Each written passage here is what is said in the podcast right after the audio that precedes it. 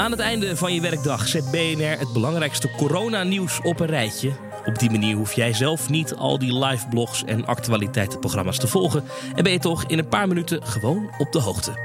Mijn naam is Thomas van Groningen en dit is de Coronacast van 5 maart 2020.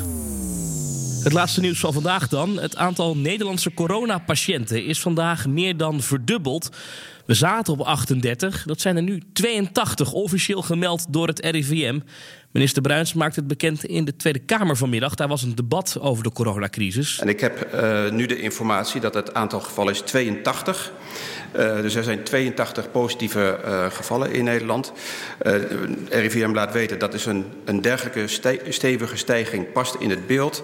Deels is dat een inhaaleffect. Mensen melden zich alsnog. Er vindt alsnog een, contact, een contactonderzoek plaats. De minister spreekt van een inhaaleffect. Mensen die al wisten dat ze besmet waren, hebben zich nu pas aangemeld. En konden nu pas getest worden door de GGD. En die testen lopen sowieso, we zeiden het gisteren al, 24 tot 48 uur achter. Daarom liep het aantal coronapatiënten wat later op 82 op dit moment. Dan is er ook veel economisch nieuws rondom de coronacrisis. Want het aantal faillissementen in Nederland zal dit jaar met 3% stijgen. Nadat het aantal bankrouten vorig jaar al voor het eerst in jaren weer was toegenomen, wordt er nu opnieuw een stijging verwacht. Voorspelt kredietverzekeraar Atradius in het nieuw rapport. En dat heeft alles te maken met de coronacrisis. Want de wereldwijde verspreiding van het nieuwe coronavirus drukt de economische groei. En dat gaan ook Nederlandse bedrijven voelen, denkt Atradius. Vooral producerende bedrijven, verkopers van elektronica en kledingbedrijven. Die kunnen door het coronavirus in de problemen komen. Zij zijn namelijk vaak afhankelijk van de toevoer uit China. Maar die toevoer uit China die ligt nu vaak stil door fabrieksluitingen en reisverboden naar dat land. Afgelopen jaar voorspelde Atradius nog maar een toename van 1% van het aantal faillissementen. Maar het is nu dus 3% geworden door de coronacrisis. Vanmorgen econoom Theo Smit op BNR. Die vertelde ook nog eventjes, ja, let op, bij bepaalde sectoren wordt het een probleem. Het uh, coronavirus en uh, alle onzekerheid daaromheen, dat raakt vooral de exportgerichte sectoren. Zoals de maakindustrie, uh, de chemie en de transportsector. En ook de luchtvaart heeft last van de coronacrisis. Het nieuwe virus kost Europese luchtvaartmaatschappijen dit jaar tot bijna 44 miljard dollar aan schade. Blijkt uit een nieuwe raming van de Internationale Brancheorganisatie voor Luchtvaartmaatschappijen. Dat is de IATA. Tijdens een bijeenkomst in Singapore werd het allemaal bekendgemaakt. Daar kwamen de bedrijven bijeen om met elkaar te praten over de coronacrisis.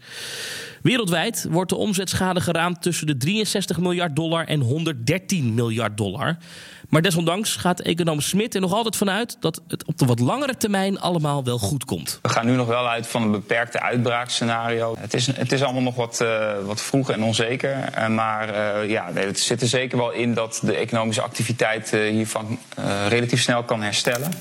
En dan naar het onderwijs, want ook daar last van de coronacrisis. Kinderen, die vinden het zelf misschien niet zo erg, maar volgens de Verenigde Naties en UNESCO gaan momenteel 290 miljoen kinderen niet naar school door de uitbraak van het coronavirus.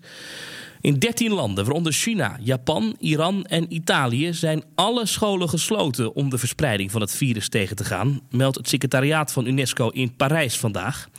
In negen landen zijn scholen alleen in bepaalde gebieden gesloten en een aantal andere landen dus overal. Als scholen lang sluiten, dan kan het recht op onderwijs in gevaar komen, zegt de directeur-generaal van UNESCO. Het tijdelijk sluiten van scholen vanwege volksgezondheidssituaties is niet nieuw, maar de mondiale schaal en de snelheid van de onderwijsverstoring is nog niet eerder vertoond, zegt hij.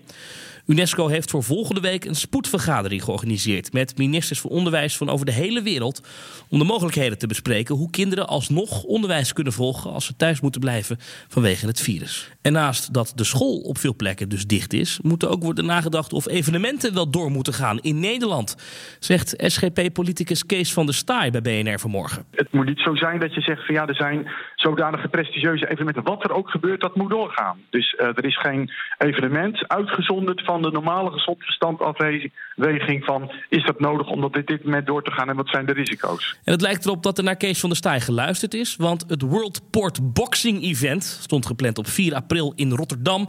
Gaat niet door. In de doelen zou dat doorgaan, een boksgala. Maar de organisator van het boksevenement durft het niet aan. Het is het eerste grote evenement dat in Rotterdam wordt afgelast vanwege het virus. Maar de organisator zegt ja, door de onzekere ontwikkelingen omtrent het coronavirus is de organisatie van mening dat zij op dit moment niet kunnen garanderen dat het event hetzelfde kwalitatief hoogwaardige niveau zal hebben als de andere door haar georganiseerde evenementen. Ja, dat zeggen ze dus. Ehm, en daarom gaat het niet door. De beslissing heeft ermee te maken dat er allerlei deelnemers uit allerlei landen op afkwamen. Onder andere uit Tsjechië, Frankrijk en Italië. En de organisatie is bang dat zij zullen afzeggen. En dat je dan met een karige line-up aan ja, wat minder goede boxers komt te zitten. We kunnen het niet maken om pas een week van tevoren te annuleren. En daarom hebben ze nu op dit moment al de stekker uit het evenement getrokken. 2000 plekken waren er gereserveerd in de doelen in Rotterdam voor het evenement. De mensen krijgen hun geld terug. Dan nog even een blik buiten Nederland. In België een ruime verdubbeling vandaag van het aantal coronapatiënten. 27 kwamen erbij, waardoor het totaal daar nu op 50 is gekomen. Wel is daar ook het eerste nieuws binnengekomen dat een patiënt volledig is genezen van het coronavirus. En ook in Duitsland liep het aantal flink op. Daar waren 109 nieuwe gevallen van corona. Het Robert Koch Instituut, dat is zeg maar de Duitse RIVM, die meldt dat zeker 349 mensen in Duitsland nu besmet zijn met het coronavirus. Ongeveer de helft van de gevallen, zo'n 175, zitten in een gebied dat aan Nederland grenst, Noord-Rijn-Westfalen. En in Zwitserland is voor het eerst iemand overleden aan de gevolgen van het coronavirus. Het gaat om een 74-jarige vrouw die al wel een chronische ziekte had en daardoor een groter risico liep. Zij is gisteren overleden.